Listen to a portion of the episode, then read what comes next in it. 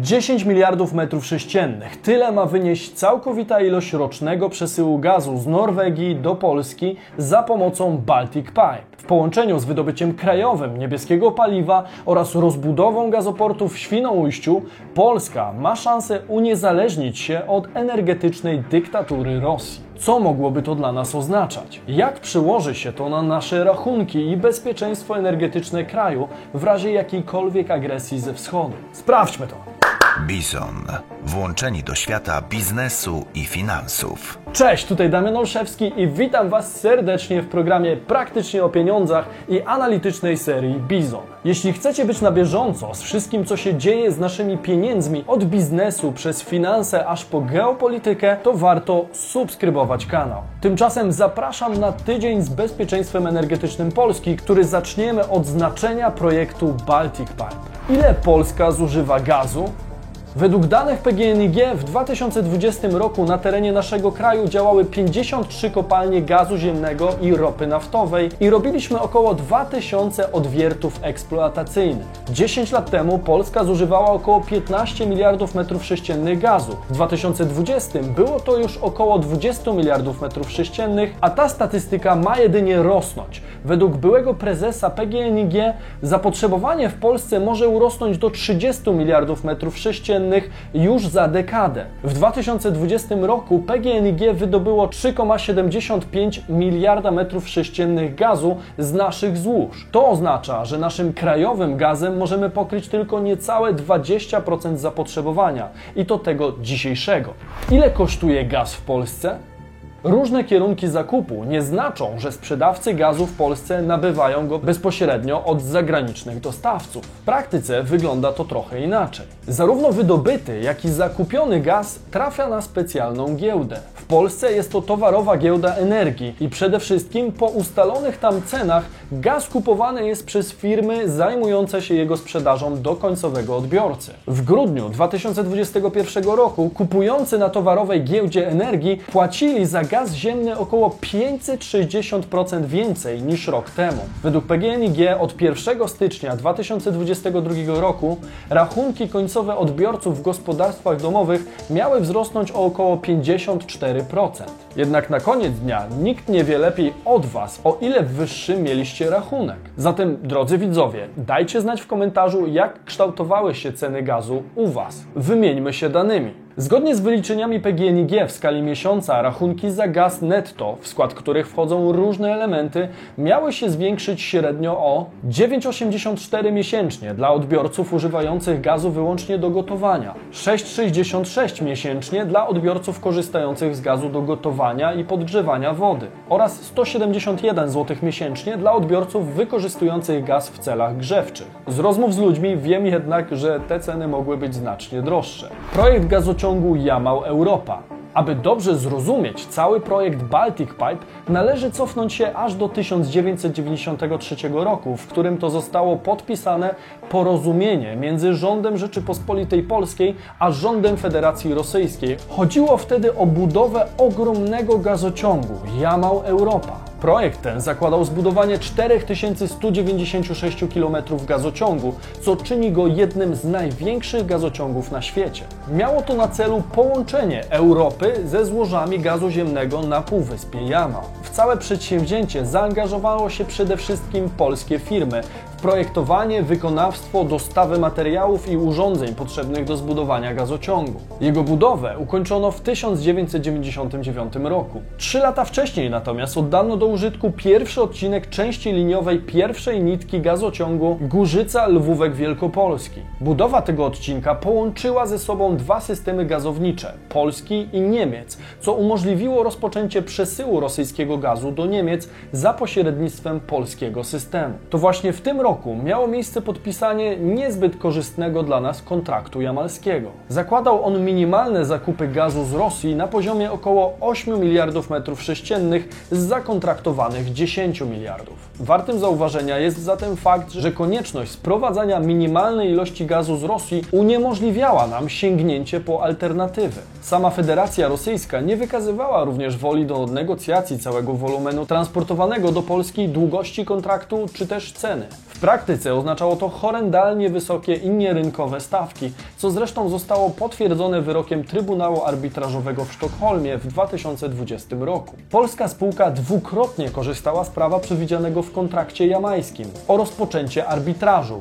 Było to w 2011 i 2015 roku. W efekcie postępowania zainicjowanego w 2015 roku, w marcu 2020 roku Trybunał Arbitrażowy zmienił formułę cenową kontraktu, przychylając się do wniosku PGNiG.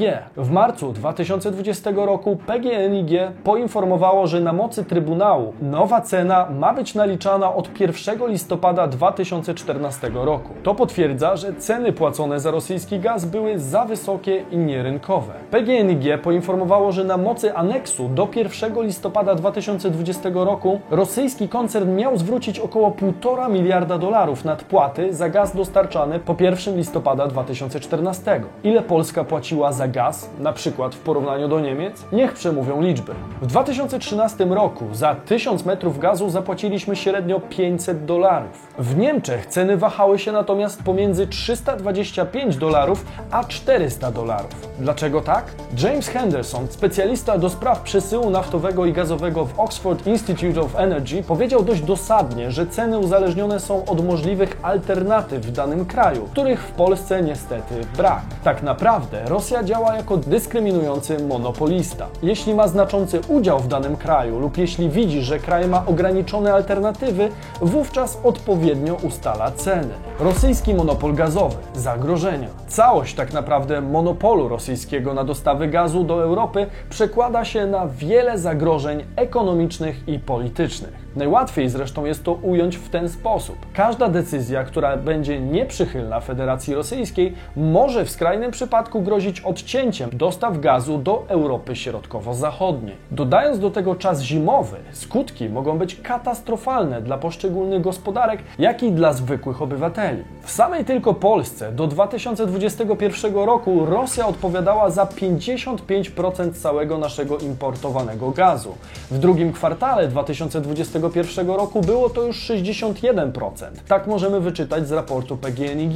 To natomiast sprawia, że w niektórych sytuacjach możemy nie mieć wyjścia. Nie sposób zapomnieć o obecnym kryzysie energetycznym, chociaż nasz kraj radzi sobie z nim względnie dobrze. Głównie za pomocą rodzimego węgla, który obecnie wykorzystujemy jako wielką zębatkę do napędzania całej naszej machiny gospodarczej. Warto podkreślić, że Polska odpowiada za nawet 96% europejskiej produkcji czarnego złota. Jednakże zgodnie z ustawami ekologicznymi będziemy musieli całkowicie z niego zrezygnować do 2050 roku. I tu pojawiają się alternatywy zgodne z polityką Unii, innymi właśnie gaz ziemny. Jest on bowiem drugim największym źródłem energii w Polsce, szczególnie jeśli weźmiemy pod lupę duże miasta, które odpowiadają za większość wydolności polskiej gospodarki. Baltic Pipe a Nord Stream. Dodatkowe zagrożenie dla energetyki Polski czy Ukrainy stwarza owiany złą sławą w Europie Nord Stream 2. Zresztą cały odcinek na temat Nord Stream 2, o którym można by rozmawiać godzinami, możecie obejrzeć w skrótowym odcinku tutaj. Zakłada on wykluczenie Polski i Ukrainy z roli pośredników gazowych. Oczywiście z perspektywy czysto biznesowej ten ruch ze strony Rosjan jest w pełni zrozumiały. Po co mieliby płacić pośrednikom za to, że rurociąg przebiega przez ich terytorium, jeśli zamiast tego można go wpiąć bezpośrednio do najlepszego kontrahenta? Gaz miałby trafiać bezpośrednio do Niemiec, czyli największego w Europie rynku zbytu dla rosyjskiego gazu. W dalszą podróż wybierałby się z niemieckich magazynów. Dzięki temu Niemcy mogliby wykorzystać od 30 do 50% mocy gazociągu dla własnych celów. Mówimy o 30 do 50 miliardach metrów sześciennych błękitnego paliwa. Reszta trafi na rynek, a to sprawi, że Niemcy staną się największym hubem gazowym w Unii Europejskiej. Projekt Baltic Pipe droga do uniezależnienia od rosyjskiego gazu. Baltic Pipe to duży projekt, którego łączny oficjalny koszt wynosi około 1,5 miliarda euro, z czego połowę ma pokryć polski Gaz System, jeden z wykonawców gazociągu. Zakłada on wybudowanie infrastruktury infrastruktury przesyłowej o długości nawet do około 340 km. W jej ramach stworzone zostaną gazociąg na dnie Morza Północnego, rozbudowa duńskiego systemu przesyłowego, tłocznia gazu w Danii, rurociąg na dnie Morza Bałtyckiego oraz rozbudowa polskiego systemu przesyłowego, w którego skład wchodzi pięć różnych projektów. Za realizację pierwszych trzech odpowiada duński EnergyNet. Pozostałe dwa zostaną zrealizowane przez polski Gas System. Projekt ten nie bez przyczyny został uznany przez Komisję Europejską za projekt o znaczeniu wspólnotowym. Status ten przyznawany jest projektom, które mają na celu wzmocnienie europejskiego wewnętrznego rynku energii i realizację celów polityki energetycznej Unii Europejskiej. Wpisuje się to również doskonale w narzucaną przez Niemcy politykę Energiewende, według której możliwie szybko należy pozbyć się nieekologicznych źródeł energii, a w ich miejsce budować tak zwaną zieloną energię, do której wpisuje się również gaz ziemny. Całość ma się odbywać przy współpracy trzech państw. Norwegii, Danii i Polski. Od tego pierwszego wydobywany gaz będzie trafiał głównie do Polski, chodzi bowiem o około 10 miliardów metrów sześciennych gazu. Jednocześnie Polska będzie w stanie odsprzedawać 3 miliardy metrów sześciennych gazu z powrotem do Danii. Zresztą możliwe będzie w przyszłości również sprzedawanie gazu w ramach bardziej korzystnych ofert, na przykład państwom nadbałtyckim czy Czechom i Słowacji. Do planowanych zysków finansowych należy dodać te osiągane z tytułu posiadania części infrastruktury gazociągu Jamał-Europa na terytorium naszego kraju. Jego wyłączenie raczej nie będzie opłacało się Federacji Rosyjskiej, choć i tego nie można w pełni wykluczyć w przyszłości. W końcu krótkoterminowe cele biznesowe nie zawsze pokrywają się z długoterminowym celem politycznym. Póki co jednak według różnych obliczeń Nord Stream 1 i Nord Stream 2 nie poradziłyby sobie bez pomocy wspomnianego gazociągu. Baltic Pipe. Kiedy budowa? Zakończenie prac i oddanie gazociągu Baltic Pipe planowane jest na czwarty kwartał 2022 roku, a jego pełną przepustowość prognozuje się na styczeń-luty 2023. Oczywiście nie jest to na rękę Rosji, która może utracić możliwość negocjacji stawek z poziomu siły z racji braku alternatyw, ponieważ nagle alternatywy się pojawią. Szacuje się, że na utracie kontraktu z Polską Federacja Rosyjska może stracić wiele miliardów dolarów. Baltic Pipe pozwoli nam również na odcięcie się energetycznie od niepewnego pośrednika, jakim jest Białoruś. To od miejscowości Kondratki, położonej blisko granicy z Białorusią, wychodzi polska część szlaku jamalskiego. Wiemy natomiast, co dzieje się na granicy Polski z Białorusią, a Łukaszenka wielokrotnie groził już odcięciem gazu do Polski. Baltic Pipe korzyści dla Polski i Unii Europejskiej. Dzięki temu projektowi będziemy w stanie pomóc Europie w uzyskaniu mniejszej wrażliwości względem rosyjskiego szantażu gazowego.